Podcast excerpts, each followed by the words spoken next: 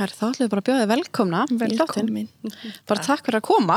Takk fyrir. Hérna, e, fullt nafn á þér. Silja Sif Kristisdóttir, Mhm. ég er þrítug. Ertu, þrí, ertu 91? Yes. Þú ert 91? Já. Þú ert á Árbæ? Já. Já. Passar. Akkurat, þú ert einmitt í, þú ert ógslag góð vinkona heiðrunar. Já, Já, einmitt. já, já, já, Það einmitt. passar, voru saman í bekk alveg frá því sjö, sjötta held ég. Já, einmitt. Hvaðan kemur þú? Úr bæ, efst, erstu bænum eða? Já, ég er ættuð frá Siglufjörðu og Ólasverði en ég hef alltaf búið í Reykjavík. Ok. Þannig að fættist í Danmörku en Aha. Reykjavíkingur Mm, samt. Við Ok, okay, já. alltaf eitthvað kemur frá Danmark við þetta bara Þetta er svo óþolandi. Já, óþólandi. Hvað er í ok. Danmarku Í fæðist þið? Óðinsi. Ok, það er margir búin að vera óðinsi sem komið til okkar. Mm. Ég var það þannig til ég var fjara. Já, þannig að þú ert 30 aldrei, ert orðin 30? Ég er orðin þrítug, ég er í janúar. Þú ert í januar, ok. Yes. All right. Herru, það er hverju þú er komin hingað. Yes. Viltu segja okkur það? Já, við ætlum að ræða með ofbeldissambandi sem ég var í Mm. þegar ég var 17 og reyndar á undan því var ég líka í ofbeldissambandi, ég var 16 ára en Já, eitt ár þá. e, já, undan á eitt ár og já, með Mhm. þekktum áhrifavald og veitingamanni svo, já Það er, mér finnst þess að séu svona 90% af stelpum búin að vera í já, Þetta er, þetta er rugglað. maður er eiginlega bara hissað að einhverju hefur ekki lendi í Já. Er hérna, eins og segir, þú varst í líka ofbeldssambandi áður. Mhm. Var það hérna, þú ert að vera 16, hvað er maður, fyrst ára mentó? Já, ég, ég var í tíundabekk eða klára saman hann var 24 þá sko Ok. Ok. En þú veist, ég kærði hann minn sem með að mamma mín neytti mig til að kæra hann ég var ekki á 18 ára. Já. og ég var náttúrulega með gróft áverka og 8 ára eftir hann. Já, ok. en ég sjálf landi hann oft tilbaka en mér fannst þetta ekkert vera svona slæmt sko, en hann var náttúrulega fullorðin og ég Já. var barn að- en endan dró ég þá kæru tilbaka og það gerðist ekkert. Ég var held ég 19 ára þegar ég dróða bara tilbaka og ég var bara af hverju er þetta þarna, það gerist ekki neitt. Það? Já. Samt, ég, ég skil það ekki Nei. þú veist, það var áorkaváttur, það voru vitni hann var náttúrulega líka með vini sína sem vitni á móti mér Mm en samt sem að það er 16 ára bann Maður er skítrættur. já en, já en við hann, við erum alveg góð í dag þú veist, Já, hann ok. hefur alveg talað við mig og beðist afsökunar marg oft og, Já. Ok.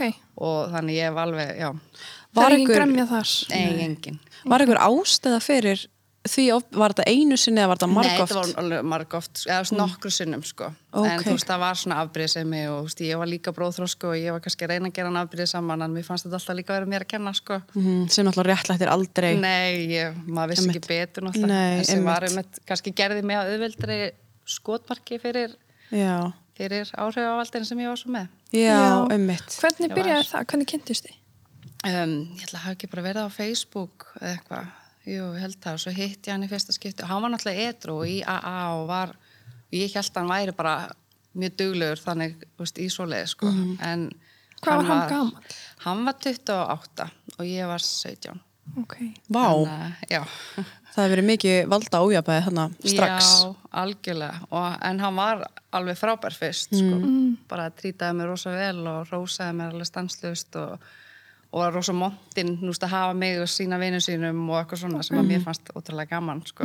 Maður upplegði sér ekki svo mikið svirði og svona. já, algjörlega en svo bara fór þetta svona breytast smátt og smátt Mhm. Og hann heldur sér áfram edru. já, hann var alveg etru alveg fyrsta, fyrstu mánuðin allan af, ég veit ekki, kannski hálfa árið eða eitthvað Og var hann, var hann, þegar hann var edru, var hann mjög góði við á þeim tíma, þú veist, Já, já, já, þannig en þú veist, þegar ég fer að skoða samt svona núna, þá var það ekki þannig þú veist, þess að hann byrjaði þetta svo smúð þú veist, eigðu öllum kallmennum út af Facebookinu mínu þú veist, með þess að frændu mínum, hann bara öllum kallmennum Nú? út já, já, hann, bara, hann vissi ekkert hver þetta voru hann bara bræði mínir og pappi sem voru eftir sko. Ok. Já, ok. og þú veist, skoðaði síma minn stanslust, tók hann að mér ef ég fekk SMS þá reyjum hann hann síman að mér og las það, þú veist, jafnvel eitthvað persónlegt frá vinkonu mínum og eitthvað svona sko. Mhm. Og svo var þetta svona farið að banna mér að fara út að hitta vinkunur Mhm. en ég leit aldrei á það sem eitthvað ábeldið þá en þegar ég tek þetta allt saman núna þá finn ég það fegstu svona, hann elska mig svo mikið. Ég-. Og var hann að nota til dæmis, þú þú ert mín. Já, nei, hann átti mig, hann sagði alltaf við mig, ég mun alltaf eiga þig Mhm. og, og ég mun alltaf geta fengið þig og þú veist, já, það var svolítið þannig. Maður er basically bara heila þvegin. Já, algjörlega. En hvernig leiðir með það hérna, eins og þú máttir ekki fara að sjá vinkonina, máttir ekki fara út? Já, hann er bara, þetta var ekki beint, ég bannaði það. Þetta var svona farið inn á samvöskupiti mitt eða þú veist, allar að skila mig eftir einan á ég að vera einn hér -hmm. og þú veist, og hvað ert þú að fara að gera? Okay, þá fyrir ég bara að gera þetta og, veist, og nota eitthvað svona, veist, eins og hann væri þá að fara að gera eitthvað með einhverjum öðrum konum eða, þú veist, Bara algjörlega, bara ald, andlegt ofbeldi. já, um mitt. Sagði þá bara ef þú ferð út þá fer ég að gera eitthvað annað. Já, já, já. Já, um mitt. En þú veist, svo var þetta að fara að vera þannig, ég nefndi ekki að lendi í því, þannig ég var alltaf, veist, fór ekkert, var alltaf bara með honum. Um, og þetta var bara fyrsta hálfa árið strax svona. Já, þarna var hann samt etru sko Já. en svo þegar hann dettur í það þá náttúrulega var þetta miklu grófara og verra sko Og er Og það ég bara einhver dagur? Já, þú vissir ekki þegar hann dettur í Nei, hann lendi en svo þetta fannst mér skrýta, hann var alltaf í glugganum að kíkja út eitthvað á nætunar og hann var svo paranoiður náttúrulega Mhm.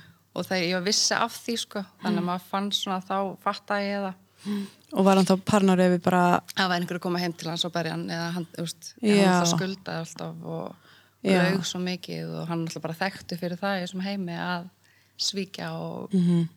og svona þannig að ok, en já, svo hvarf hann alveg í marga daga og ég var ein með dóttir hans Mhm. þú veist, batna hugsa um batn kannski í heila viku Já. það var bara einhverju djami er maður þá bara, já, þá var að djamma kannski nokkra daga einhverstaðar. já, já, hann hvarf bara En hvernig er það þá, ertu þá að ringi hann bara og, Já, og svo hann bara. svarar ekkert?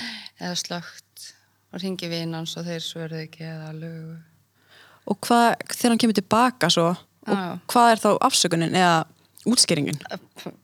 bara sem ég mann, það var það bara ekkert sko. Nei. Var það bara ég mættur heim og já, ef að fá okkur morgumat? já, nánast sko Ok, það var bara Hvað, þú veist, hvað fer svona í gegnum hausin á manni þegar maður er, þú veist, þegar maður lendir í þessu bara eins og þú ert með lítið bann Mhm. og hann hverfur og farið engar útskýringar.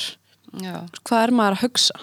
ég var bara að hugsa um hana Já, Mhm, það var eiginlega bara, þú veist, ég, ef ég myndi fara hvað myndi gerast fyrir hana þú veist, Mhm. hvað hvað ætti hún að gera, veist, ég hefði alveg getað að fara bara með henni í leikskólan og ekki sótt hann og þá í hann eða hvað ennið hefði ekki fundað hann eða En byrju, hverju varst þú með hann? Þú veist, hvað var hún gömul á þessum tíma? hún var tveggja tveggja, þryggja Og hann, sem sagt, bara var með hann var með forræði. Hann var með forræði yfir Já, henni. mamman var ekki í sögunni hennar Ok, þannig að fóreldra þínu voru að hjálpa þér með hann á. já, já, mamma tók líka stundum hana þegar ég fór kannski að leita á honum þegar hann var horfinn og svona. En þú veist. Hvað fannst fóreldriðinu þetta? Þú veist, þú varst alltaf bara 17 á Já. þessum tíma. hann náttúrulega kom rosa vel út fyrir þau sko, var alltaf voðalega svona indæll og sleiktu þau upp og, en mamma vissi alltaf eitthvað að væri eitthvað skrítið sko, hún fann það alveg en þau vissu samt aldrei alveg allt það bara nýlega sem ég hef talað við þau og sagt þeim virkilega hversu slemt þetta var eins og hún var alveg í sambandi við hann með svo stundum eftir, eftir að hættum saman sko og bara frekar nýlega En af hverju ákastu loksins að tala um þetta, þú veist, við þau? Bara, var þetta bara, veist, varstu hrætt um viðbröðir? Já, þetta er eitthvað óþægilegt að tala um tala um svona við fóreldra sinna ég, eða þú veist Já. sérstaklega eins og hvað var fór langt yfir mín mörkjum fyrirstlega og svona Já, einmitt. þú veist og einmitt í þau skipti sem að hann til dæmis vakti með einhverja nóttina og, og úst, var að reyna að komast á, á mig og þú veist, maður var svona nei, nei, eitthvað og svo endan því hann var byrjaður og var að halda mig niður og var actually að byggja mig um að streytast á móti þannig að það væri eins og hann væri að nauðga mér. -hmm. en maður er hugsandi bara er hann ekki að því? Eða svo Já. bara nei, þetta er kærasti minn, hann getur ekki nauðga mér mm Það er einmitt svona sem við einmitt búin að vera að tala um svolítið, þú veist, einmitt að kærastamanns eða kærustur geta líka nauka manni. nákvæmlega. Já, það er ekki talant síðan að umræðanum bara ofbeldi í nánum samböndum, naukanir í nánum samböndum bara var svona ofinberlega eitthvað þing mm. Já, bara svona réttlega. en er hérna eins og ég hugsaði svona ef ég væri, ef, ef það væri dótti mín hugsa maður aldrei eitthvað að ringi batnaðandanemt eða þú veist upp á, upp á litla batnið Já, við gerðum það svo ok, eða þú veist þannig und í lokin þegar þetta var, þú veist, þegar mér langaði að komast í burtu og ég var alltaf út af henni -hmm. en það var raun ekki fyrir hann að sýstir hans tekur stelpuna sko sem að ég gat farið með svona ekki þá samvinskuna að ég var að skilja hann eftir sko. og það ég ætla að elska þessa stelp út af lífinu, hún gaf mér móðuræðili og bara kallaði mig mömmu og þú veist, ég sakna hennar ennþá og þú veist svona sko. Og ég hitt hann alveg eftir þetta eftir að hættum saman sko.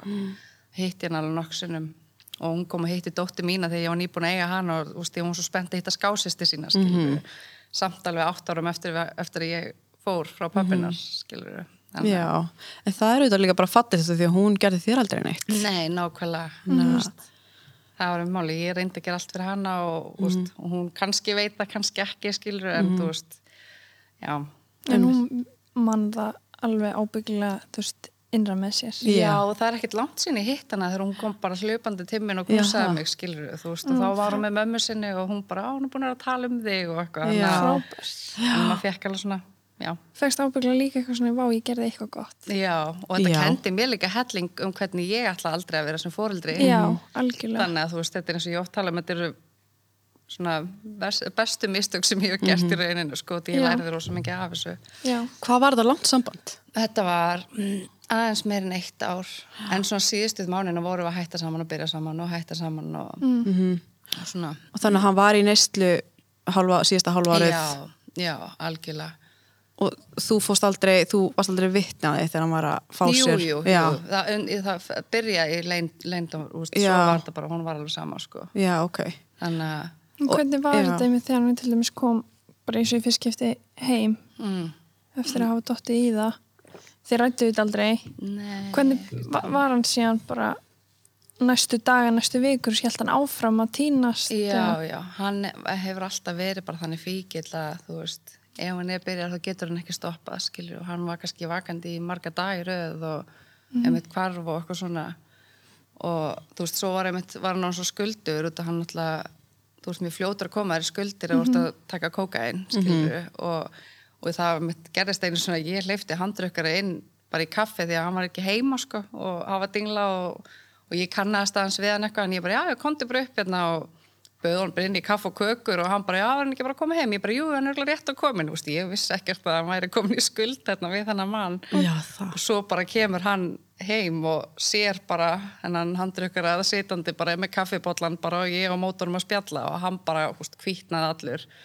Og það kvöld var svona fyrsta kvöldi sem hann laði með hendur, skilur, fyrir að hafa hleyftunum inn, en ég vissi ekkert, þú veist. þú veist ekkert hver það var Nei. og hann, Æ, ég vissi alveg að hann væri það, en ég vissi ekki að hann hefði eitthvað illt já. Helst kannski bara var að koma í eitthvað spjall. Já, í rauninu Já. sko. Bara sak, saklaus, þú Já, saklaus. og hann kurtis við mig og eitthvað svona sko. Vá, það er líka frábært. Já. Ég hef einmitt heyrt alveg sögur sem Mhm. þeir koma á sem sagt eh, Einmitt, leggja hendur á fjölskyldumeðlimi. nákvæmlega, en þú veist, ég sem betur fyrir slapp því ég hleyft honum bara inn og bara böður um kaffe og kökum bara. einmitt, En og hann, hvað gerir hann þarna við þú veist hann Hann- bara þeim leið og hann kom inn þá náttúrulega bara stóð hann upp og lappaði ógnandi á hann og þá var ég bara, oh shit, ok, nú skil ég. Bara þú veist, þá fatt að ég þetta. En hann beitt hann ekkert ofbildin eitt þannig. Hann bara, hann er svona mikill rævill að hafa bara fyrirgeðu, fyrirgeðu og bara ég borgaður og þú veist. Og hann gaf hann með eitthvað tímaramma sko já, sem varði mitt til þess að fermingapenningarnir mínir hörfu. Eða það? Mm, á átjónura afmælistæði minn þá leta hann mig fara í banka og taka alla fermingapenningarna mín út það var held ég 360 skall eða eitthvað og hann bara tók það að mér Og sagðist alltaf að borgaði tilbaka. nei, nei, hann tók þetta bara, hann sagði bara þú veist, hann ætti að taka þetta og veist, hann, ég var í rauninu búin að búa inn á honum en ég var samt ekki búin að vera að búa inn á honum sko. nei, og hvað og, og, og hvað Nei, með nákvæmlega, og það? þetta fór bara einhverja skuldir skuldir sem komið mér þess að áður við höfum byrjað saman sko. mm, Ég, þetta er náttúrulega ég ámæli í janúar við byrjum saman í ágúst þannig að þetta er mhm, já, þú veist að eigða átjónar ámælistæðinu sínum í þetta, fyrir mingur penningur losnar yfirleitt um þetta átjónara mhm. þannig þegar vinkonu mínu voru að kaupa sér bíla fyrir fermingapenningin þá átti ég ekki neitt mhm. og hvað sagði mamma en pappi þessu, þau vissu þetta kannski ekkert Nei, ég laug eitthvað að þeim held ég Já. ég vildi ekkert segja, þú veist Nei. hvað hefði gerst sko. nei en var, var þetta hérna þarna var hann búinn að vera ofbeldisfullur og Nei, hérna var þetta hérna þetta ekki byrjað eitthvað Ok. að viti sko eða þú veist, kannski einhver eitt og eitt skipti en ekkert eitthvað svona eins og þetta var Mhm. orðið í lokin en þarna segir bara, segir eitthvað fyrst þú veist, nei, ég vil ekki nota fermingapenningi minn í þetta en ég var meira bara svona, ha, byrju af hverju? Veist, af hverju, og hann rétti mér sko tíu skall og sagði að mér að kaupa mér eitthvað fyrir það. Og svo og tók út tók þinn 350 skall, já. Og veist, þetta var bara, já, hann einhvern veginn náður réttlæta þetta bara. Og, og eftir þetta þá fór þetta bara á nið, var þetta bara já, niður? já, þá var þetta bara verra og verra sko. Og hvernig var þetta síðan eftir þú veist þetta, hann borgar þetta einhverja skuld og, og heldur síðan áfram bara að koma sér skuldir og, já, já þetta var held ég bara mm, freka nýdóttin í það en svo var þann held ég edru einhvern tíman á milli, ég mann það ekki alveg. -hmm. en hann allan þurft alltaf að veist, halda líginni gangandi að máttingin kringum að vita að hann væri dóttin í það. Þú veist, ég hann myndi að missa batnið og vinnuna og allt sko. -hmm. þannig að Já, hann var í vinnu á þessum tíma. Já, og þeir, rá, þú veist, þeir, hann fekk ráðninguna með því ég skilir að vera edru, sko. Þannig að, En var hann þá að sækja affundi eða hvernig, já, Meðan og hann var- samkomur og okkur svona, hann gerði það líka alveg þegar hann var dottin í það, sko, já. til þess að reyna, já. ok. Hún ætla þarf að fá svona mitt, fari ekki eitthvað pening, Jú, já, ég 24 held það. tímar, svo vika, eitthvað mánuður og hún ætla kannski að sína það fram á það í vinnunni. Nákvæmlega, ok, og er, en hvernig var þetta bara svona milli ykkar, þú veist, þegar þið voru heima þú veist, maður hugsa bara að þið fyrir heim til kæra á kvöldin, þú veist, eru þið bara að bóra kvöldmað saman og, og allt eðlilegt og Mm, já, þannig séð, þú veist, það þetta var alveg fínt á köplum, sko, -hmm. en hann var líka bara svo góður leikari, veist, og góður í að bara heila þó mig líka sko. Mhm. þannig að veist, það kom alveg góðu tímar inn á milli en þú veist, svo allt innu breytist það og líka bara eins og þetta andlega hvernig hann braut mig niður sjálfströsti mitt skilur Mhm.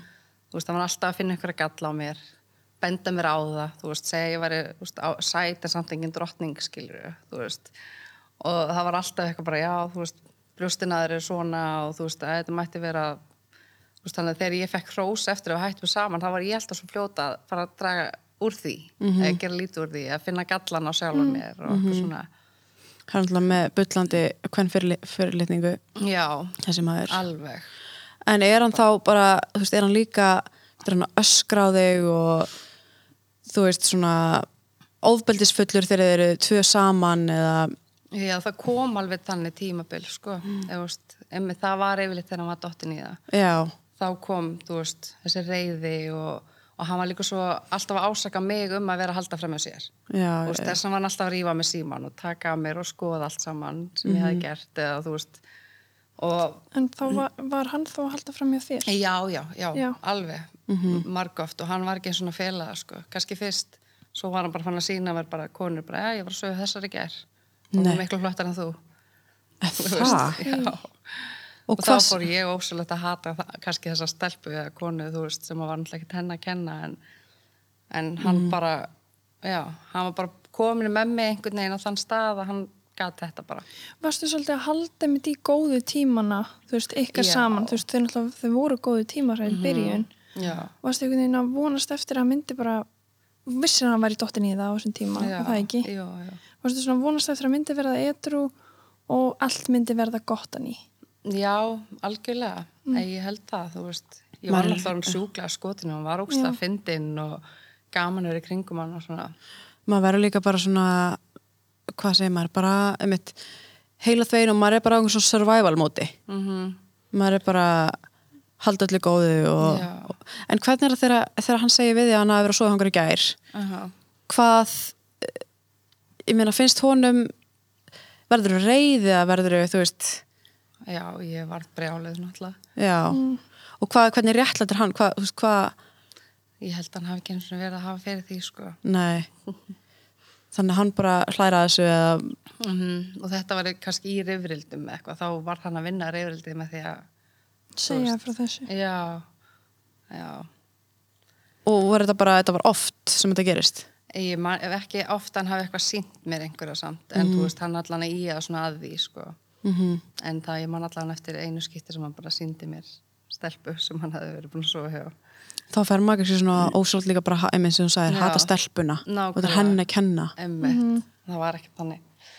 þetta er svona típist hérna bara einmitt að þú veist að maður fari svona einmitt að blokka stelpuna og, og þú veist, hún hefði eftir að reyna við hann út að hann er á föstu og Nákvæmlega. eitthvað svona. Veist, hann, já, Já. en hittir þú einhvern tímann þessar stelpur? Já, einhverja, þú veist, með þess að einhverja kom til mín og, og þú veist, sögðu mig frá því, bara ég vildi bara láta að vita, ég vissi ekki að hann væri með þér og þú veist, ég kom staði eftir á og okkur svona, þú veist, ég kunni alveg að meta það, sko, þegar Já, það var þannig, sko. mm með þess að eina við varð vinkona mín eftir þetta sko, sem að kom bara til mín og frontaði mig með þetta og þú veist, þá hafði hún verið með honum og þegar ég hafði verið í vinnunni og svo kom ég með þeim úr vinnunni og þú veist, þá var pizza upp kassi og eitthvað og pizza var heila búin og ég bara, vá, býtu borðað þeirra heila pizzu en það leitn eitthvað og veist, þá sá hann einmitt um bara, já, við pöntum pizzu og þá var ég bara, já, ok, það meika sens þá hefur verið þarna, veist, þetta skipti skilur við, Já, ok. hann en já. ok. En, en hérna þegar þú verður, þú veist, reið út í þessa stelpu hana, kontaktar á hann eitthvað? Eða sendur hann eitthvað eða, mm, mm, ekki hana nei, nei, nei, nei. Nei. þú bara blokkar, eða þú veist, þú bara pælir ekkert í þessu og og hérna, já. En svo setna meir þegar þið haldið áfram að vera saman svo bara eftir þetta eða ekki? Úps. haldið bara áfram að vera saman eftir að hérna þú kemur, kemst að því að, að hann Já. er haldið fram hjá þér? Við hættum náttúrulega saman og byrjuðum svo aftur saman og eitthvað svona. Já, ég ok, hann náttúrulega tala alltaf um að hann geti alltaf fengið mig aftur. Mhm. og hann var svolítið með mig í því hann geti alltaf fengið mig aftur. Mm en já, já, um mitt þannig að í rauninni þegar þið hættið saman ferð þú þá hættið einhvern annan eða, já, ég gerði það. Já, ok. Og hann kemst að því kannski? Já, þú veist, við kannski hættu saman í viku og þá fór ég að tala um einhvern annan og svo kom ég tilbaka og þá notaði hann það líka gegn mér ef ég var að gera eitthvað og, en þú veist, en ég meni ég kynntist einmitt manninu mínu sem ég er með í dag eftir einhver svona pásu og svo þegar ég var, veist, hann hjálpaði mér að komast frá honum í rauninni alveg sko. Já, ok. Ég man að hérna, þú opnar einmitt á þetta á samfélagsmiðlum ekkert tímann þar sem þú talaðir um bara mjög gróft ofbeldi sem hann var að beita þig. Var það í, þegar hann var í neyslu náttúrulega? Já, en það var líka eitthvað þegar hann var ekki í neyslu sko. Þú veist, Ok. hann var hennilega rosalega kynfyrslega brenglaður Eða það? Já, alveg, þú veist og ég vildi ekki vera, þú veist, leiðileg og vera að Nei. segja hann að hætta kannski í miðjum klíðum með eitthvað, þú veist, þegar hann byrjar að hrækja mig að slá mig, að kirkja mig, þú veist eins og leið yfir mig þegar hann kyrti mig veist, í kynlífi, skilur Ok. og þú veist, út af því ég vildi ekki vera leiðileg og segja hann að stoppa, skilur en þú veist, þetta en Og þetta var að gefa hún, þið fannst þú þurfa að gefa honum eitthvað. Já, já. En, ég, já einmitt, eins og ég væri leiðilega ég myndi beða hann um að hætta. En svo einmitt þegar við vorum kannski að ræða saman þá leti hann alveg vita að mér lang- fannst þetta óþægilegt en mér langaði þetta ekki og eitthvað en það gerist alltaf aftur skilur þú veist. Hvernig hann, hvenær byrjar, byrjar fyrst að byrjar að berja þig, hvern, Nei, það var eiginlega bara í lokin sem hann svona þú veist, fór eitthvað að reyna og, það sko. en hvernig var kynlífið, eða þú veist, það var einmitt frá byrjun, var þetta bara svona frá byrjun? Já, þetta var, veist, var grófara grófara með tímanum Já, skilur ok. þú veist, og ég er alveg hef, já, menn hann sló mig einhvern tíman alveg þannig að þú veist, ég fekk blóðunasegir og ég er með öri hérna eftir hann sem hann slæði mig einhvern veginn á hittir eitthvað vittlust á og þú veist, hann reif tunguhafti mitt en hann tróði hendin upp í, upp í kjaftina á mér, þú veist, þannig ég var líka alveg að kapna og veist, ég gæti ekki borðað tuggi mat skilur í einhvern Mhm. tíma eftir það og þú veist, en mér fannst þetta, ég leit aldrei beint á þetta sem ofbeldi þarna, mm. skilur þú veist, og líka við vorum kæristupar, skilur veist Já, og fólk kannski réttlætt er þetta þetta að segja eitthvað svona hann fílar þetta. Mm. Þetta sé bara eitthvað svona hérna röff kynlíf. já, hann notaði það líka á mig bara, þú fílar þetta, hvað meinar eitthvað, eða þú fílar þetta bara, veist, og ég er svona, já, ger ég það. Þannig svo, einmitt eins og talar um þið kynist fyrir 16 ára. Já, nei, Eh, nei, 17 já.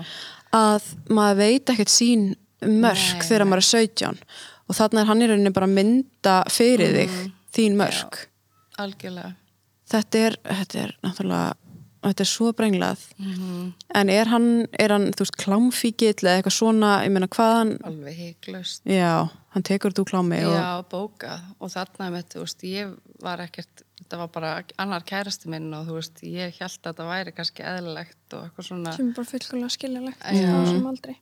algjörlega. Einmitt, en hvernig, hvernig leiðir þú veist eftir, einmitt varstu eitthvað tímann bara grátandi í kynlífi? Já, já, og hann Hann sá það hann alveg. sá það alveg og þú veist, hann hjælt mig niðri og þú veist, vildi að ég myndi spinnast á móti og þetta, þú veist, hann að vera eins og hann væri að nauðga mér.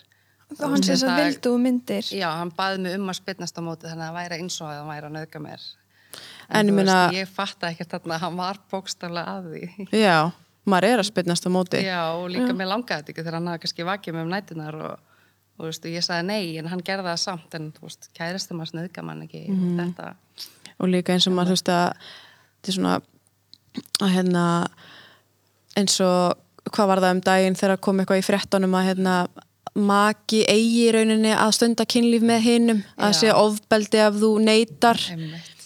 sem var einmitt mikið hittamálum daginn Já, Já, einmitt. en þetta er bara svona einmitt, þetta, þú veist, þegar þetta er svo ótrúlega vond skilabóð upp á það ef einhver vekuði til dæmis sem miðan ótt og vill kynlíf og þú segir nei, að það. Já. sé, þú veist, þá fílustjórnað eða sagt á sér dömulega að ég vil það eða eitthvað svona. þá fer ég bara eitthvað annað sem Já. hann sagði mitt við þig það var bara þannig Þetta er, en þannig að daginn eftir, hérna, eftir eitthvað svona, einhver svona átök, var þetta þá bara settindu móttuna og þetta var ekkit rætt og, Já, eiginlega þú veist Mhm. mér, mér fannst svona eins og ég mætti ekki ræði þetta eða þú veist, ég var hrættum að gera hann pyrraðan eða eitthvað svoleið, sko Mhm. þú veist, hann alltaf hafði sjúklega mikil tök á mér Mhm. og þú veist og fór ekkert lengt með það, þú veist, að tala um að hann ætti mig alltaf og hann myndi alltaf geta fengið mig og þú Mhm. veist, ég geti aldrei þú veist, ég myndi aldrei fara frá honum því að hann ætti mig alltaf Mhm. og svona, þú veist, það er svona maður var bara eiginlega farin að trúa á tímabili, skilur já, um mitt.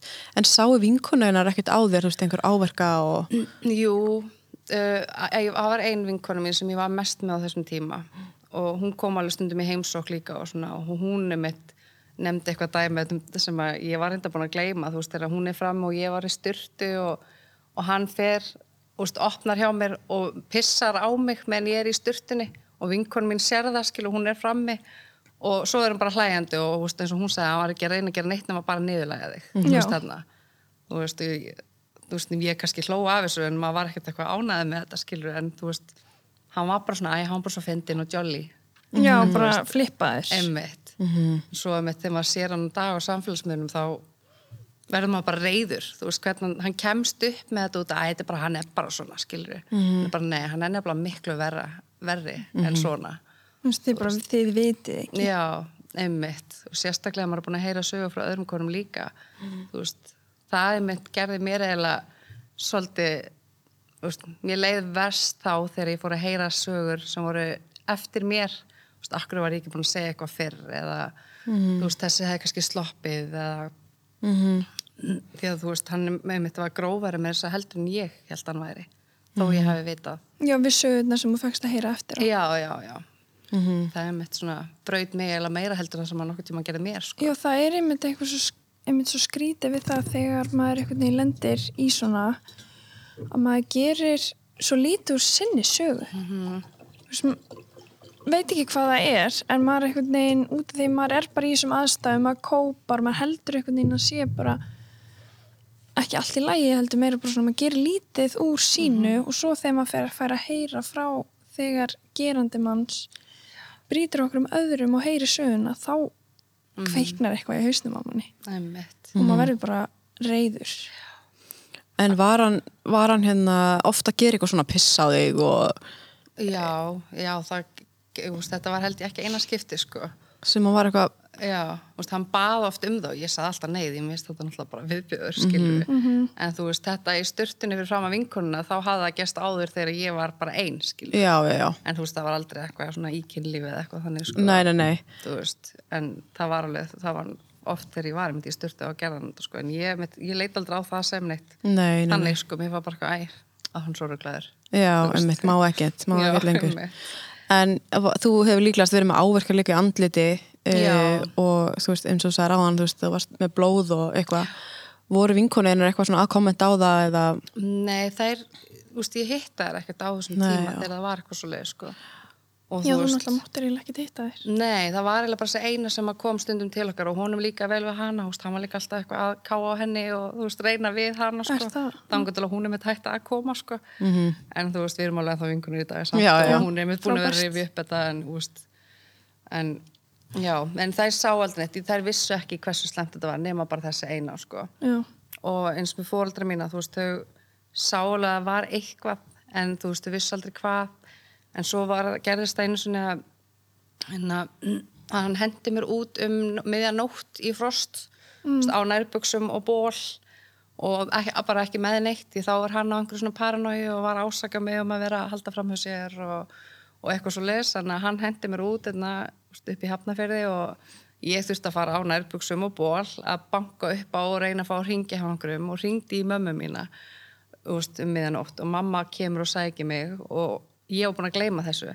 Þegar mamma sagði mér þetta um daginn, ég var bara ha, byttu, hún bara, ég hefði, ertu viss? Og hún hefði bara, Silja, ég mun aldrei gleyma þessu. Þú veist, ég sótti dótti mín og þú varst blá í framan varðnar að það voru bláar og þú skalst og þú veist og, og var, bara, ég held ég þurfti að fara með það upp á spítala, skilur, en sem betur fyrir að þurfti þess ekki. -hmm. og þá var þetta mitt bara út af einhverju einhverjum ásökum frá honum og einhverju náju og, og ég man ekki einu svona eftir þessu.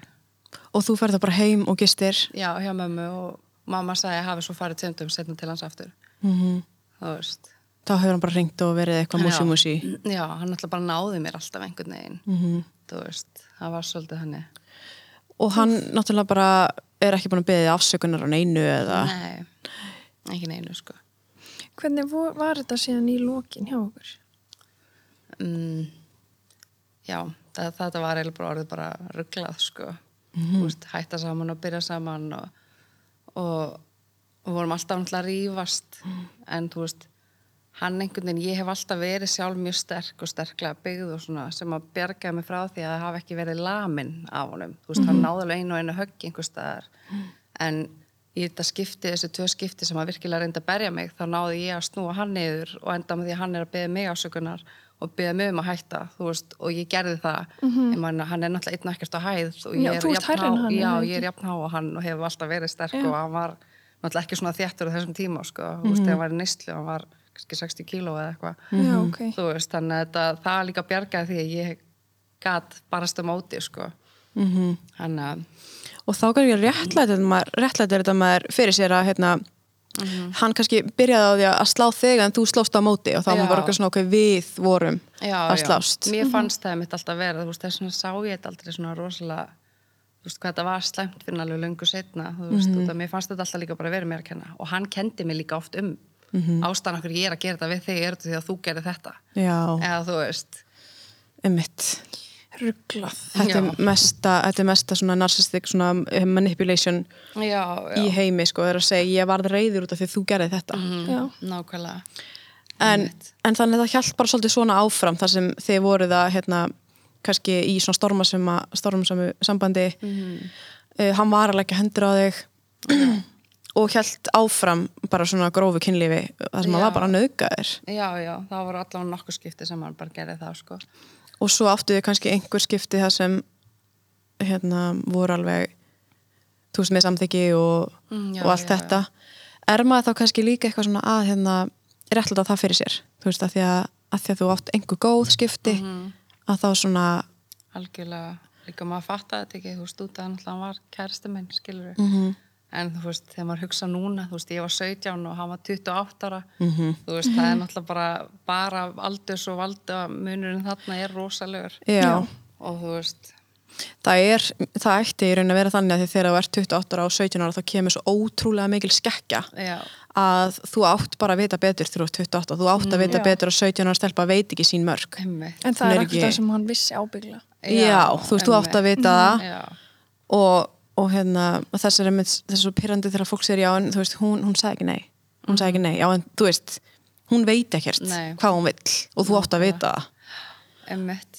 en, en hvernig, ég get svona ímyndað mér að maður verður alveg bara styrlaður á þessu og verður sjálfur kannski einhver manneska sem maður vill ekki vera. Þú veist, maður er í einhverju maður er svo reyður já, og maður er með tilfinningar til hans, þú veist, þú elskar hann en þú ert samt að hata þetta og þú ert ógislega, þú veist hvernig verður maður maður verður alveg rugglaður, þú veist þetta mótaði mig rosa mikið á þessum tíma og úst, alls ekki vel Mhm. það, úst, ég var ég var bara hræðileg manneski í rauninni sjálf sko, á margan Mhm. hátt og hafði sjálfið mitt beitt úst, ofbeldi, líklægt ofbeldi á aðra konur sem að fóru töðunar á mér út af honum, út Mhm. af hann hafði reyndið eða eitthvað slíkt sko.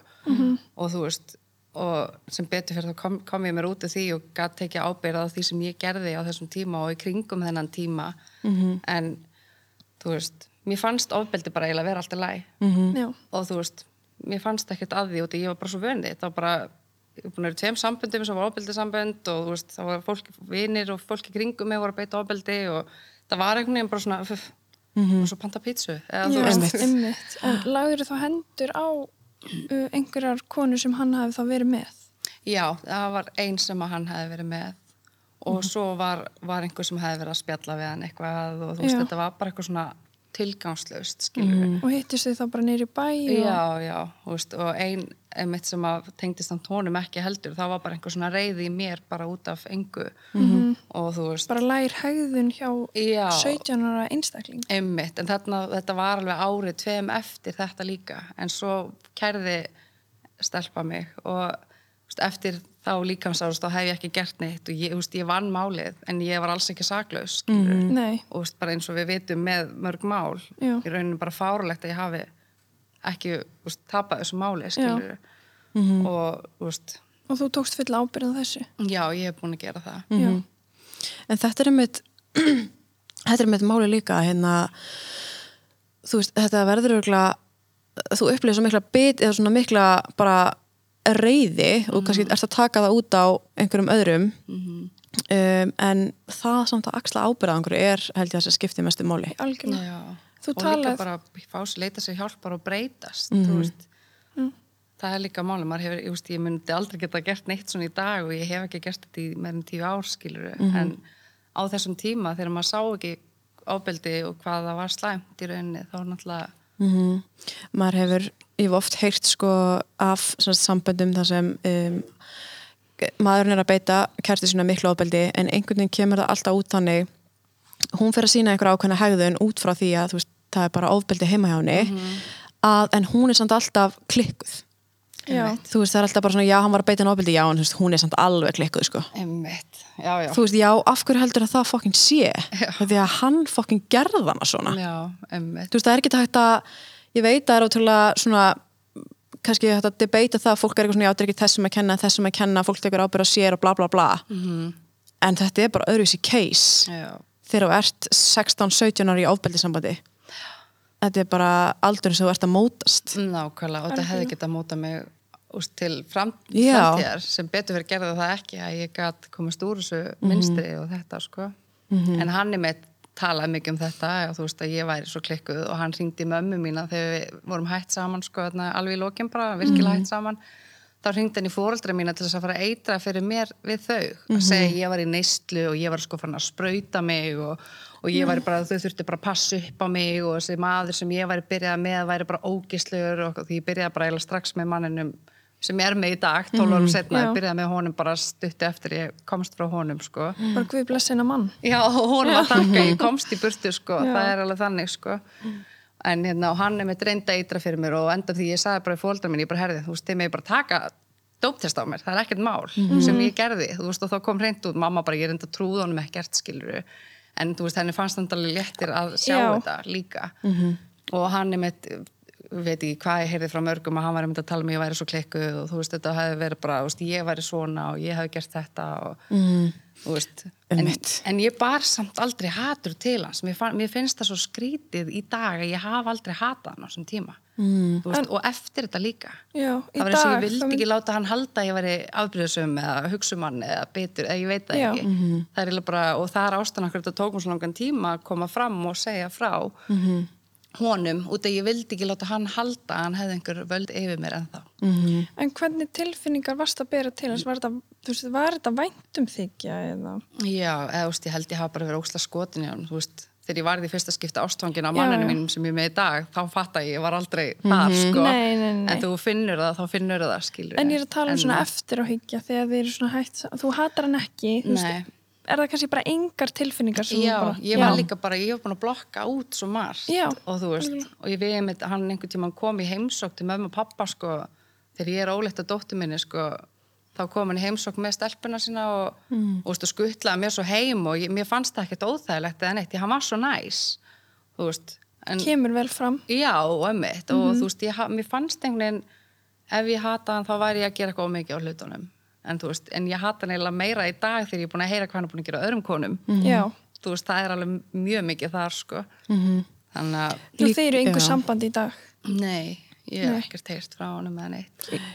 En ég veit alveg að konan hans skoða stórið mitt sko, en það hefur ekkert komið neitt. Nei, en þetta er svo einmitt, þetta er svo sorglegt það ég held líka að þetta sé svona þú ert kannski, þú ert kannski bara það sterk að þú ert svona okkar, ég bara hef enga tilfinninga gagvart honum og ætla ekki að bera hennar reyði en svo sérðu að hann er bara ekkert að breytast þú veist, hann er ekki að taka ábyrð á neinu hann svífist einskis, hann kom svona fram við þig og er að koma svona fram við fleiri. Og ég get svona ímyndað mér að það sé sásöki sem að finna, maður er bara svona þú veist, ég skal alveg taka þetta á mig hérna, en það að séu hundra fleiri aðra konur að lendi þessu er ógeðslega sárt algjörlega, það búið margi punktar svona sem ég fengi sendt sko, sem hann veist, bara hvern fyrirlitning hvernig hann tala um fatlað fólk Hann er með Þú því veist, blokkað. Já, hann Já. er með mig blokkað núna og bara, þú veist, samkynheiða og bara allt, hann hefur talað niður til allra nema gagkynheiðra kallmanna. Já. Það er eina sem hann hefur ekki verið að tala niður til. mm. gagkin er sko hvítra kallmanna Já, einmitt. nákvæmlega. Þetta er alveg síðasta sort út af því að og þetta er búið að láta viðgangast í svo mörg ár þar sem hann er komið viðtöl og segja að transfólk sé ógislegt í sjónvarpi. Þú veist, ég veit ekki hvað það var rúðastu tvö eða eitthvað, bara hlæra því. Og engi segir neitt fólk er kannski ekki að hlæja með honum en, en Það bara engi, segir já, enginn neitt. segir engin neitt. Svo er hann bara í, á Snapchat og Story með 17.000 fleiri fylgjendur. Þar sem hann er að tala um hvað konur eru bara eigi ekki að fá sko jöfn laun og bara maður eigi ekki að bera virðingu fyrir leginu á konum og þú veist, eigandi sko dætur og konur, þú veist, veistu það? Ég er bara bótt ekki í þessu þetta er ekki lægi Já, Enga veginn. Opnandi veitingastað og hérna, þú veist, allir, allar samfélagsmiðlastjórnir landsins bara peppa og mæta og partí og þú veist, þetta er bara ekki hægt. Nei. Það er alveg komið gott. þetta er Þetta alveg komið gott. komið gott Og sko. líka bara hvað áhrif hefur þetta á ungu kynslaðuna, ungu strákarna sem fylgjast með honum. Einmitt. Það hefur hrætt mig mikið, þú veist, þeim fyrst að eðlilegt að tala svona líka og hlæja af þessu og halda þetta sé ok. -hmm. Þú veist, og við erum, það er allir búin að berjast fyrir bara réttindum með mitt samkynneira og bara allra. Já. Og svo kemur eitthvað svona maður sem að, En með frekar hávera rödd já, mm og skemmir fyrir baráttum hvenna og, já, fleiri. já, og fólk segir ekki neitt fólk Nei. segir ekki neitt, þetta er, þetta er ruggla sko Mér finnst einmitt líka bara, mér finnst eiginlega frábært hvernig þú segir eitthvað að þú sérst ekki reið þegar einhvern veginn reyðin er bara svona meðlegandi haustumann sem borgar ekki leigu. Og ég held að það hafa ábygglega bara bjargað þér mikið. Þú veist, já, en, Í- já, einmitt, æ, sorry, ég greip það. Bara aðskilju þú veist, hafi kannski ekki farið eitthvað aðra leið. Því í reyðinni þá getur maður farið eitthvað allt aðra leið. Já, en ég held að sé bara þökk sé manninu innum í dag sko. algjörlega. og vá. þér auðvitað líka. En hann reyndar fórulega þanga að honum langaði til að berja hann sko. Já, já, já. Þú veist, þegar nýbyrjuð algjörlega saman, hann var fyrsti maðurinn sem ég sagði frá öllu og hann Já. ætlaði bara að rjúka út og ég bara, við græðum ekkert á því, ég græði ekkert á því. Þú veist, það kemur bara út eins og ég sé eitthvað bitur eða þú veist, eitthvað svoleiðis. Já. Og þú veist, það var alveg erfitt að stoppa hann því að hann var með svo mikla reyði þegar hann heyrði þetta og það var hann sem að gerði mig grein fyrir að ég væri beitt andlega ofbeldi. Eftir hann sá nokkra punta hjá mér og, og sem hann rósaði mér og alls konar og þú veist, þegar hann fekk SMS og maðurinn mér segir bara, herru, neina, opna og lesa þetta fyrir mig. Og ég alveg, býtu, má ég koma við símaðin? Og hann alveg, já, ég er að byrja um að lesa þetta fyrir mig. Og komu nokkur svona punktar þegar hann sest bara niður og hann bara, herru, þú hefur beitt andlega ofbeldi af hann. Og ég alveg, hva, hvað það? Hvað er andlegt ofbeldi? Þú veist, ég hafði ekki hugmynd Nei. og hann útskýrði það fyrir mér, skilur og fór að nefndi þessi dæmi og þá var ég bara, já, ok ég veist ekki svona, það væri svona til já, Þú veist, Nei, ég var einmitt. 17 ára og það var ekkert verið að ræða um svona þegar við vorum Nei. við að þú veist 17 ára skilur Já. og 16 ég hafði ekki hugmynd þú upplöður þetta bara svona og, og varst kannski bara vön því já, og hérna, en hvernig ég, ég mynda mér að með svona hvernig það er þegar maður er setna, maður er bara að vinna í sínu málu maður er bara á fjölskyldi og börnu og eitthvað en maður er konstant að sjá einstaklingin í blöðum og að vera lofsingja og þú veist. Hvernig tilf hvernig, hvernig líðu er með það? Það var svona kannski bara svona eiginlega meira perrandi fyrst sko. -hmm. þú veist, en samt ekkert eitthvað mikið eða þú veist, því að hann var svo ofta að gera líka lítið úr sjálfur sér þú veist, og koma illa út en þú veist þegar var verið að tala um hann á góðan hátt það fóru töðunar á mér, skilur en þú veist, ekki það að hann væri eitthvað orðin þekktur eða eitthvað svo leiðis en það fór alveg meiri töðunar á mér að fólk væri að lossingjan og tala um að hann væri svo óksla fyndin og frábær og, og eitthvað svona sko. og sama hv- hvað er hann oft búin að skýta á sig en hann einhvern veginn heldur alltaf áfram. Já. Það finnst það fór í magnað. töðunar á mér sko. Mm mér finnst það með því að sé bara svona almenna umræði þegar fólk er að segja svo fólk er svo ótrúlega viðkvæmt fyrir gríni og má ekkert grínast. En sko grínist þið eins og þið viljið en hver er að grínast hérna og um hvað er verið að grínast? Þetta er ekki bara, þetta er líka hvað skeður hérna milli ykkar í lokuðu herbyggja sem enginn sér. Getur ekki verið að beita svona ógislega miklu ofbeldi og leggja líf einhvers bara í rúst ef þetta hefði verið einhver önnur, ég veit ekki hefði hún tekið sér þetta í líf, þú veist, hefði maður tekið sér þetta í líf? Hefði einhver tróði hendinni á sér upp í mig og rifið á mér bara tunguhafti þegar ég er 17 ára? Væri ég hér í dag, ég veit það ekki. Einmitt. þú veist, þetta er bara Gert lítið úr þessu í leiðinni bara. já, og þetta er bara látið viðganga, maður lætur yfir sig ganga í marga mánuði. Já. Og maður er sjálfur orðin þar í haustum maður er, maður er kannski, æ, það var samt við áttum góða tíma líka og svona en bara, fuck that Já. Já, bara algjörlega. Já. bara, þú veist, hann má bara taka þessa góða tíma og tróða með braskata á sér út af því það bara réttlætir ekki neitt Nei. hann er svo ég verð, sko, Já. mér það kveiknar í hausnum á mér að hugsa um þetta. ég ána með þig. já, út af því að bara, þú veist Já. Hann á konu og börn og Mér finnst það, finnst það besta, bara börnin. Já, Já. ég hugsa ofta mitt um það þú veist, og þessi elsta sem að, þú veist, var partur af mínu lífi líka Já, veist, hún ég, bara lifir í þessu núna. Neymitt, og hún er, hún, hann, hann hefur gert lítið úr því að hún hefur talað um það að sé verið að stríða sér í skólanum eitthvað út af, út af snappinu í að pappanar og, og hann hefur tekið upp vídeo sem hann er að hlæja því að dóttir hann sé að hva- hvart yfir því þú veist, bara þú ert að gera lítið úr dóttirinni líka. Já. þú veist, þú ber ekki einu svona virðingu fyrir henni og hennar tilfinningum. Þú veist, hún segir við pappa sinn að henni, þetta, henni líði ítli fyrir þessu og að sé verið að stríðinni út af því að hann hafi gert eitthvað. Og hann tekur það upp og gerir lítið úr því. Þú veist, Bara, já, tók hann það upp fyrir almenning bara Já, og og tók alltaf að taka held ég og sína hana líka og hún fór frá hann ekki, að hún vill ekki vera hérna snappin út að það er vist eitthvað verið að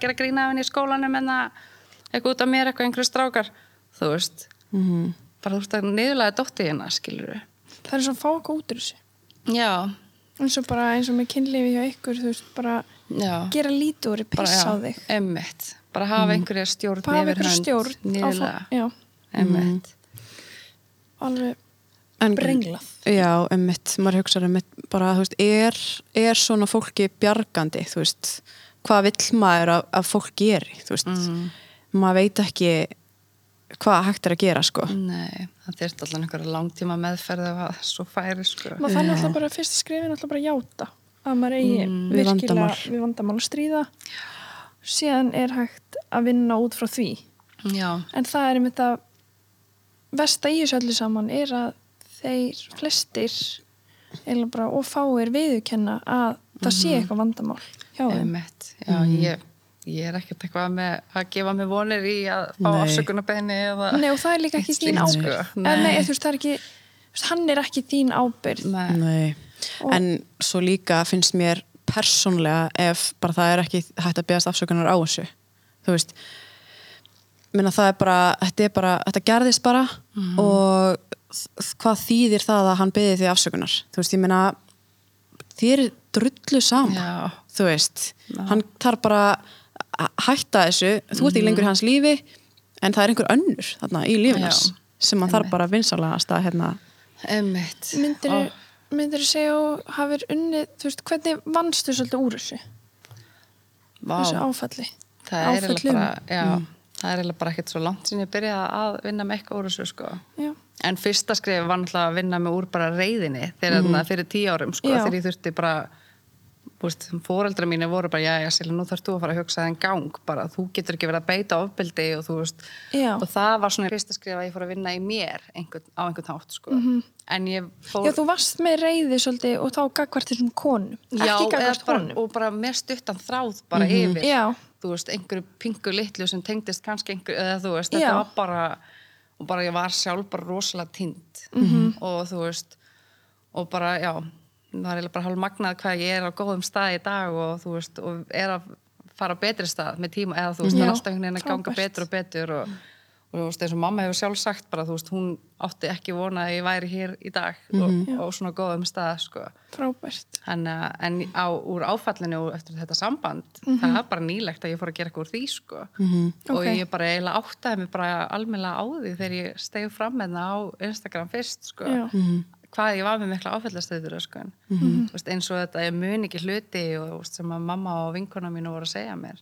Þú veist, það var alls konar svona sem að ég var bara búin að gleyma og loka á og, og þegar ég fór að rifja þetta upp og þá fattaði ég hvað það var slæmt líka þannig að það síndi líka svolítið svona já, Þú ákvæmst að stíga svolítið fram út eða þú byrjar að heyra aðra sögur.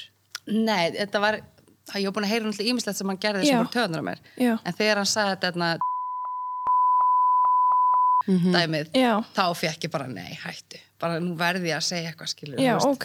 því að hann er ofbeldismæður sjálfur og hann er að verja myndan ofbeldismann Mhm. þú veist á sínum stóra miðli skilur, Já. ég mér fannst bara þetta var bara svona og maður mér sagði líka við mig bara, já, já, Silja finnst þið núna að vera komin tíma að segja eitthvað og ég er bara, já, er það ekki þú veist, Mhm. og hann stutti mig alveg í því, sko, sem er líka mitt svona svo, kem, kem að öðru að hann er þú veist, búin að fá að heyra bara hvað finnst þér um að kona þessi að tala um fyrrandi hann er Ha? bara ha, hvað með það það er að vera eitthvað issue sko Einmitt. og ég er búin að fá þetta líka bara er honum alveg samátt að sérst að tala um þetta og veist Þetta snýst ekki um hann. Nei, það er mitt sem hans þú veist, sagði líka og líka bara, veist, hann hefur aldrei verið afbreyðsum típa eða neitt svona og hann var bara, ha, það kemur mér ekki neitt við, sko, Nei, þú veist en líka hérna einmitt, Þetta er bara áfall sem þú ert að reyna að vinna út og koma Já. með fram. Þetta snýst ekki um hann. Nei, Það er meira bara hann sittir staðar Já, og en þetta þig. samt sýnir svolítið þessa kallmennsku þú veist, að það, maður Má eigi ekki bara að tala þagga. já, eða má ekki tala um fyrirvandi fyrir fram á manni sinn eða, einmitt Guð. já, Já, það er einmitt gallið, það, það er afbrýðsamir menn sem að tala svona, skilur mm. En þú talaður um að þú hafur unnið einhvern veginn úr þessu núna eftir að þú opnaðir á þetta. Hvernig, já, bara svona þeir sem kannski er að hlusta, svona viti Já. hvernig væri best kannski að vinna svolítið úr þessu. ég ætlaði náttúrulega að byrja að fara á stígamóti eða eitthvað slíkt, sko, en ég er búin að vera að horfa á svona fyrirlestra og eitthvað menn ég býð eftir að komast að. Já. svo er náttúrulega að ég háti sálfræðing og ég náða að nýta tækifæri í honum og opnaði með hans og hans, sko. Frábært. Þannig að það er svona, já, Þú ert allan að þú ert í, þú ert í bata. Já. já, maður, einmitt, það er kannski líka það er svo alls konar litlir svona hvað segir maður svona, sem maður myndar með sér maður lókar náttúrulega bara alveg á þetta og fer bara að komast í burtu náttúrulega ákveðin bara ákveðið success og maður er svolítið svona okkur ég er bara komin í burtu, let's go, nýtt líf. En svo allt þetta, þú veist kvíðin sem maður upplegir og streitan og einmitt þetta er með stuttan þráð og kannski jafnvel, þú veist, óþæld að vera kringum mikið af fólki um, já. þú veist, eitthvað svona litli hluti sem hafa áhrif á mann sem maður fattar ekki, maður heldur bara já, ég er bara svona en þú veist, það er ástæða maður er svona. Einmitt og það er einmitt sem að ADHD sálfræðingur minn benti mér á, sko, hann spurði mig hvena byrjar að fá hann félagsfælni kvíða og það. Og ég alveg, að er svona átján ára. Og hann alveg, já, getur það ekki tengst í að þú varst lokuð inni og hann leiðir ekki að hitta fólk Já. og, og þú, veist, þá, þú veist, þá fyrst fekk ég þann punkt, sko ég bara, jú, þetta, þú veist, ég hef alltaf verið mikil félagsvera, sko. En bara í kringum mikið af fólki þá er ég bara titrandi bara, þú veist, og fæ bara andköf og bara líður ömila, svitna og bara, Já. en þú veist fólk sem þekkjum bara, nei, þú, þú ert ekkert með félagsfælni, skilur en jú, ég er með byllandi félagsfælni þú veist, það er helst að fá mig tök hvítusklus áður en ég mæta á einhvern stað þar sem er mikið af fólki, til dæmis. Já, já, já. Ok. þú veist, Já. annars sleppi ég að mæta. Já. eða beila, skilur ég, ég er mjög þekkt En það er alltaf eitthvað svona undirlengið einmitt út af einhverju, þú veist, út af einhverju svona og, Mm. og maður er kannski, það er, það er alltaf gott að fara að vinna í einhverju þannig. Já, og láta benda manni á það sko. já, Mhm. emmitt Þegar maður fattar þetta oft ekki sjálfur. nákvæmlega, En það er, hvað er maður þinn gamall? Hann er 42 Hann er 42. já, en ég byrja með honum þegar ég er að verða 19 og hann er 30 sko Já, ok. Já, veist, ok, fyrir ég- eldri mennina. Já, Já. einmitt, já, einmitt. Ég hef alltaf verið með eldri en þú veist, Já. sem betur þá fór ég samt úr minstrinu og fór ekki í mann sem að beiti konur ofbeldi, skilur Einmitt. og þú veist, og það var alveg þú veist, ég vissi samt ekkert almennilega, þú veist, hvort það væri eða ekki en þegar ég sá hvernig hann trítar mig og gerir ennþá í dag og bara bendi mér á andlega ofbeldi sem ég var fyrir og styrti mig og alls konar, veist þetta er ekkert sjálfsagt og sjálfgefið veist, og líka bara byrja með besta vini sínum skilur Já. finna hvernig þú átt að vera úst, á að vera komið fram, fyrir, fram við þig. Mhm. þannig að Maður er svolítið svona um leiðum að finnur eitthvað svona vá, þetta er bara, ég aldrei upplegað, þú veist, bara er þetta til, að maður er bara svona, já, ég ætla bara að handjana þig við mig, bara, Já, þú mátt já. aldrei fara. bara, ég var búin að gefast upp en að kalla mér um ég ætlaði bara úst, fara í hitliði sko. mm, en þú veist, svo kom hann einna á hvíta hestinum já. Leðum maður er bara svona þakklatur. Já. Já, Sérstaklega og líka, líka- bara sé með þeir ljóma. Já. Það er alveg, þetta er frábært, samtlistir innilega. ég, takk fyrir Ertu eitthvað, ertu eitthvað svona hérna þú veist, ertu eitthvað hrætt í dag bara svona, þú veist að hitta hann eða Nei, kýmust, nei, alls ekki. Mhm. Ég er meira hrætt um, þú veist, ef ég hitt hann, hvort að ég eftir að gera eitthvað sem ég sjá eftir, sko. Já.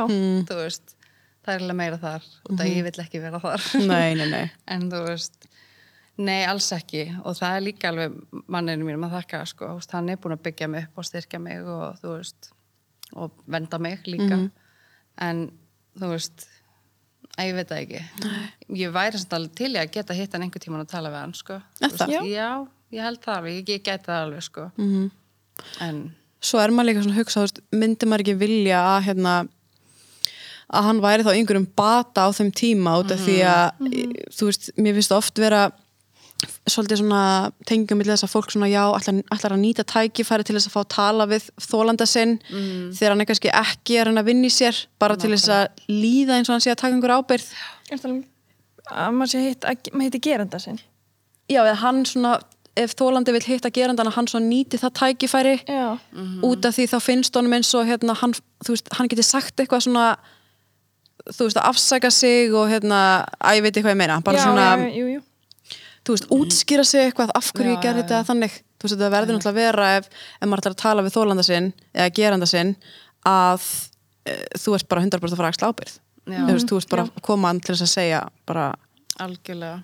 ég ætla að vera ætla, þú veist, verða betri maður er til hvað sem einmitt. að þá hitt, eða þú veist, hittast þeim mitt. já, Nákvæmlega. Og það er einmitt, þú veist, sem að ég, mér finnst mjög líklegt að myndi gerast að það væri að færa að afsaka sig eða ert þú ekki að gera mikið úr þessu eða þú Já. fyrir svona gaslæti eða eitthvað. já, eða eitthvað svona, já, ég hérna ég vissi þetta bara ekki, þú veist, ég uppleiði þetta ekki svona Nei, Já. nei. Þann, þú veist, eitthvað svona bull Einmitt. þú veist, þá ertu ekki einn á réttum fórsetum Mm og hérna Einmitt. Þú veist, og misgrófa sögur náttúrulega. Ég tala ekki um, þú veist, kemfyrslega áriðna á vinnustæðanum sem að hann rekur, skilur mm, Þú veist, það er líka hættulegt. Það eru ungar sæta stelpur að vinna þarna. mm, og þú veist og maður vonar að þær getur fara að leita sér réttinda í sín stjættafélög Mhm. Já. það hefur verið eitthvað slíkt mm á vinnustaf núna já, ummitt en þessi stelpur sem að ég hef talað við þær voru báðar hættar Já, að vinna ok. hjá honum Ok. Þannig að sem betur fer mm en já, Þetta heldur við bara áfram. mm það ég er ansið hætt um það. En svo er alltaf, þú veist, mér finnst samfélagið er alveg, þú veist, tilbúið til þess að hérna, þú veist, það er engin að fara að sparka endilega í líkjandi manni ef fólk kemur fram og og síni fram á eitthvað svona, þú veist bara vilja actually gera betur. Mm þú veist, Það fer náttúrulega bara algjörlega eftir líka, þú veist. Við erum náttúrulega búin að sjá margar afsökunarbeðinni varðandi þess að hriðbylgu. Síðan er spurning hvernig þú gerir það. já Hvernig þú tekur ábyrðina. maður vill náttúrulega alls ekki að fólk komi fram og segi bara hérna ég, einhver, ég ætla þú veist, axla ábyrð og, og eitthvað þú veist, op, þú veist, einhver með eitthvað á einhverju Já, á já. Instagram Bara orð eru bara orð. já, orður er bara orð sko en já, vonandi bara verður einhver bati Já. En það þarf alveg að fara þá í langt prógram eða verður að einhver bati til Já. að honum Já. Það er, sko, já, já, já það er eitthvað meira heldur en að fara í tvo sálfræða tíma sko. mm Já, já, já, já. Við erum allavega að hýrt það allavega frá bara þessu samtali, mm. Já, maður er bara, þú veist, það er alveg, það er bara, þú veist, ég veit, það er kannski svona, það er bara ógeðslega leðilegt að vera kannski að berjast fyrir einhverju, jafnrétti hvenna eða eitthvað. Og að heyra einhvern sem er kannski með ótrúlega háarödd, vera að draga það niður eða segja að þú veist, maður tekur, bara, maður tekur sér bara inn á sig. Já, og einmitt. þú veist, það er svona ákveðið bara óbyldi gagvart minni baráttu. Þú með honum í sambandi upplifir, þú veist mm. öðruvísi ofbeldi, maður er einhvern veginn bara svona þú veist, mér er bara löngu komið nóg að þessu. Já, alveg sammála er þar.